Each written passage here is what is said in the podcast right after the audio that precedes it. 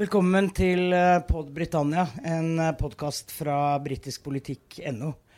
Den dere hører her, er Anette Groth, og i dag har jeg med meg Gry Blekastad Almås, også hun tidligere NRK-korrespondent her i London. Og vi er selvfølgelig her den 31. oktober, for um, i dag skulle egentlig uh, Storbritannia ut av EU. No, no, no. What we are asking is for a very large amount of our own money back. The choice is in your hands. We've had a meaningful vote. We had it in the referendum on 2016. Order! Men det ble ikke slik at de skulle ut av EU, Gry. Um, var det forbausende? Nei, det kan vi vel ikke si at det var egentlig. Eh, de skulle ha fått brexit i halloween-gave, isteden så har de fått et eh, valg i julegave, eller i hvert fall førjulsgave. 12.12. blir det nyvalg her i Storbritannia i et forsøk på å løse den floken eh, britene er kommet opp i. De har jo prøvd nå i tre og et halvt år snart på å få gjennomført dette, denne skilsmissen fra EU, og det har vist seg like umulig gang etter gang etter gang. Og selv om de nå faktisk har stengt, stemt gjennom en uh, skilsmisseavtale i parlamentet, så, så uh, rakk de ikke denne fristen da, som var uh, i dag. Så nå skal de først få et valg, se om man får dannet et nytt parlament, og hva det da gjør med dynamikken inn mot denne skilsmissen. Vi har jo begge vært utenfor parlamentet i Westminster i dag, og der var det veldig mange folk, veldig mange flagg.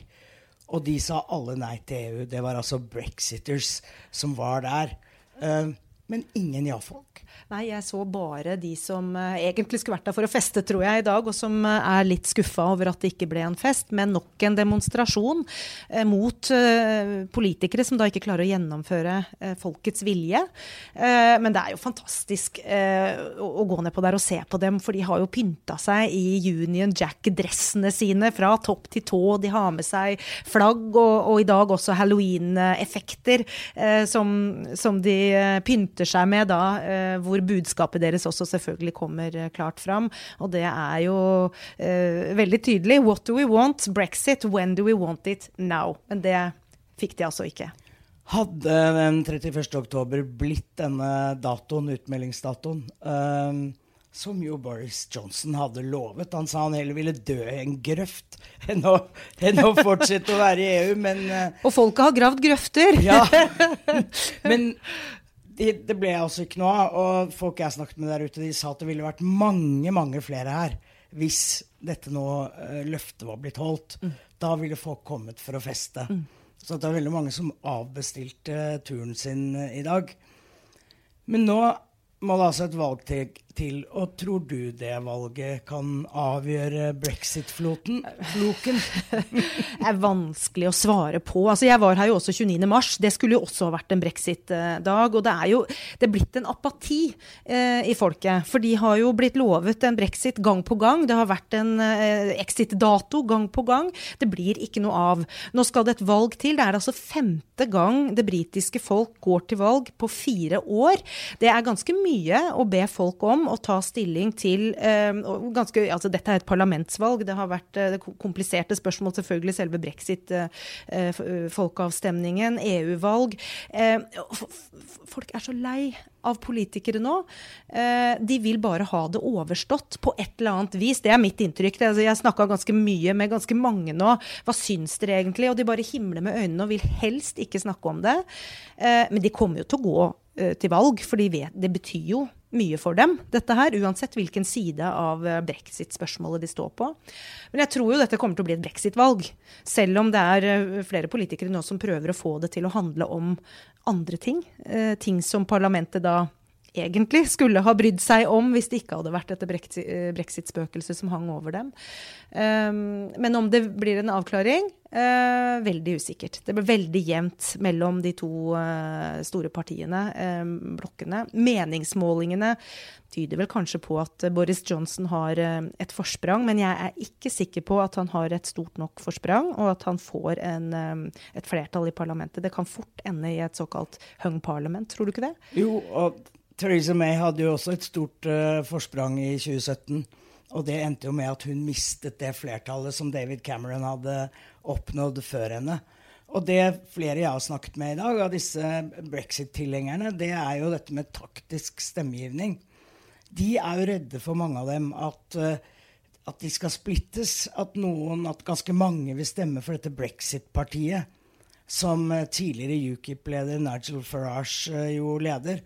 Og at da de konservative kan miste mange stemmer til dem, og at det da betyr at det blir vanskelig å få gjennomført eh, brexit. Og det, det er jo ganske spesielt, da, men det er vel snakk om at, at man skal prøve å stemme taktisk på en måte som man kan klare å få gjennomført brexit. Iallfall på den siden. Hvordan det er på den andre siden, er et annet spørsmål. Ja, Det spekuleres jo nå i at Brexit-partiet inngår en slags eh, avtale med det konservative partiet om ikke å stille kandidater i en del av disse valgkretsene for at de skal få et, eh, et flertall for, eh, for en, en brexit-politiker. da. Um, eh, og at de selvfølgelig da skal få noe igjen for det. Vi får jo, vi får jo se hva, hva slags taktikk de legger seg på til slutt. Men det ser jo ut som Labour-partiet prøver altså Fordi Labour-partiet er splitta i brexit-spørsmålet, som jo har vært deres eh, problem egentlig hele veien i kommunikasjonen ut, så ser det ut som de nå prøver å, å skape seg en valgkamp eh, fokusert på andre saker. De går ut med minstelønn, de går ut med eh, helsevesenet, ikke sant? andre saker. Og det kan jo eh, kanskje falle i smak for alle de som er så lei brexit, ikke sant? som gjerne vil snakke om og tenke på andre ting. Men samtidig, altså tilbake til det jeg sa i stad, det er og blir et brexit-valg. Fordi det eh, er en floke som ennå ikke er løst, så er det det det kommer til å, å bli et valg om. Ja, du snakket om splittelsen i Labour. Det er jo splittelse overalt. Det er splittelse i det britiske folket. Det er splittelse i det konservative partiet, og det er splittelse i Labour. Og den splittelsen er jo vond. For eh, både for folk og politikere i dette landet. Jeg så en mann her borte ved Westminster i sted i alle brexit-plakatene. Bitte liten plakat, og så sto det 'Vote Jeremy Corbyn'. Ja. Men han, han så ut som han nesten sto og gjemte seg. Ja. Jeg var jo i um, Cardiff, i um, hovedstaden i Wales, eh, i forrige uke. Og Wales stemte jo eh, for brexit. Og der snakka jeg med en som hadde stemt for brexit. Eh, og bare for å illustrere denne splittelsen, som ikke bare er politisk, altså den går jo inn i hjemmene til folk. Da hans sønn hadde fått nyss om at han hadde stemt brexit, så ble det ikke veldig trivelig i den familien. For sønnen var jo da pro-EU. Um, og så sier han at nå har han egentlig ombestemt seg. Så nå vil han ha, ja, Hvis det hadde vært folkeavstemning, nå ville du ha stemt Remain, da? Eh, Altså for å bli i, i EU, spør jeg. Og så sier han ja. Eller kanskje ikke, fordi han syns at EU nå i alle disse forhandlingene har oppført seg ganske dårlig overfor Storbritannia, gjort seg vanskelige. Så han har liksom ikke fått noe økt respekt for EU og EU-systemet heller. Men altså splittelse i hans egen eh, familie og et stort eh, politisk dilemma for han. Og nyvalget nå, da kommer han til å stemme blankt. For han er altså så lei av udugelige politikere, sånn som, sånn som han ser det. Ja, Det med splittelse i familiene det får, får jo meg til å tenke tilbake på folkeavstemningen om EU i 1972 særlig.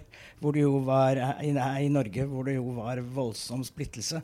Jeg traff akkurat en dame i dag, en uh, sykesøster, som uh, var veldig sterkt for brexit. Men hun fortalte at begge barna hennes, som var studenter, de stemte remain. Sånn at det er ganske mange av det. Og det er jo, det er jo et visst aldersfenomen her. At Ja. eh, flere eldre mennesker stemte for å gå ut av EU, og at flere unge stemte for å bli. Så, men den splittelsen er vond.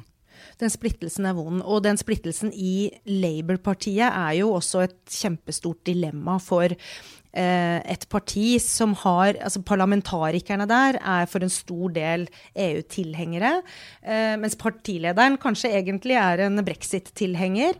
Eh, men det var jo, eh, og det skal vi huske på, altså veldig mange eh, brexit-valg eh, Unnskyld, Labour-valgkretser som stemte for brexit, særlig nordover i eh, England. Massivt, altså. Eh, og det er jo områder som er tidligere tidligere industriområder som eh, har høy arbeidsledighet, stor eh, fattigdom, stor fraflytting. Ingen som har satsa noen ting der på veldig mange år. Stor frustrasjon. Det er eh, Labours kjerneområder, og de vil ha brexit. Den misnøyen som eh, finnes i deler av Storbritannia, den har jo gitt seg utslag her. Jeg har også reist rundt sånn som du har gjort, og snakket med en haug med mennesker som ikke nødvendigvis var veldig sterke EU-motstandere, men som følte seg eh, forlatt av regjeringen i, i Westminster, og som følte at ingen brydde seg om dem. Og derfor så stemte de nei av misnøye, nærmest. Og det har jo vært en del av det også. Men jeg syns det er litt interessant også å se på tallene. da. Eh, dagsfersk meningsmåling her fra Ipsos Mori viser jo at eh, det konservative partiet har 41% oppslutning, mens eh, Labour, som da ligger på andreplass, har 24 Ja, det er 17 prosentpoeng. Det er mye. Det er ganske mye. Men så er det interessant også å se at Liberaldemokratene, som det tredje partiet, har 20% oppslutning. Altså bare 4 prosentpoeng lavere enn eh, enn, eh, Labour-partiet. Og der vet vi jo at det er politikere fra begge de store partiene som har gått til Liberaldemokratene i dette brexit-kaoset. De er jo et veldig pro-EU, veldig tydelig parti på at de gjerne vil at Storbritannia skal bli værende i EU. Og hva slags utslag det kan få i dette valget, er jo litt spennende. Men der er, stikker jo systemet litt sånn kjepper i hjulene for et uh, tredje parti, da. Ja, De har jo ingen tradisjoner her for uh, samarbeid og koalisjoner og den typen ting. De har jo hatt koalisjoner, men veldig få. Veldig få. Det er jo et, uh, et særsyn.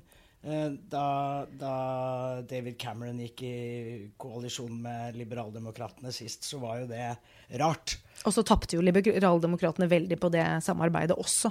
Nettopp.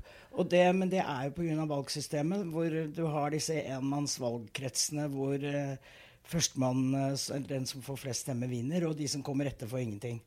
Og så er det veldig tydelig, syns jeg, også når du følger disse debattene i Underhuset. Jeg var i, i Westminster, både i Underhuset og i Overhuset den såkalte superlørdagen 19.10 nå, hvor brexit da egentlig skulle avgjøres, og så ble det jo ikke det da heller.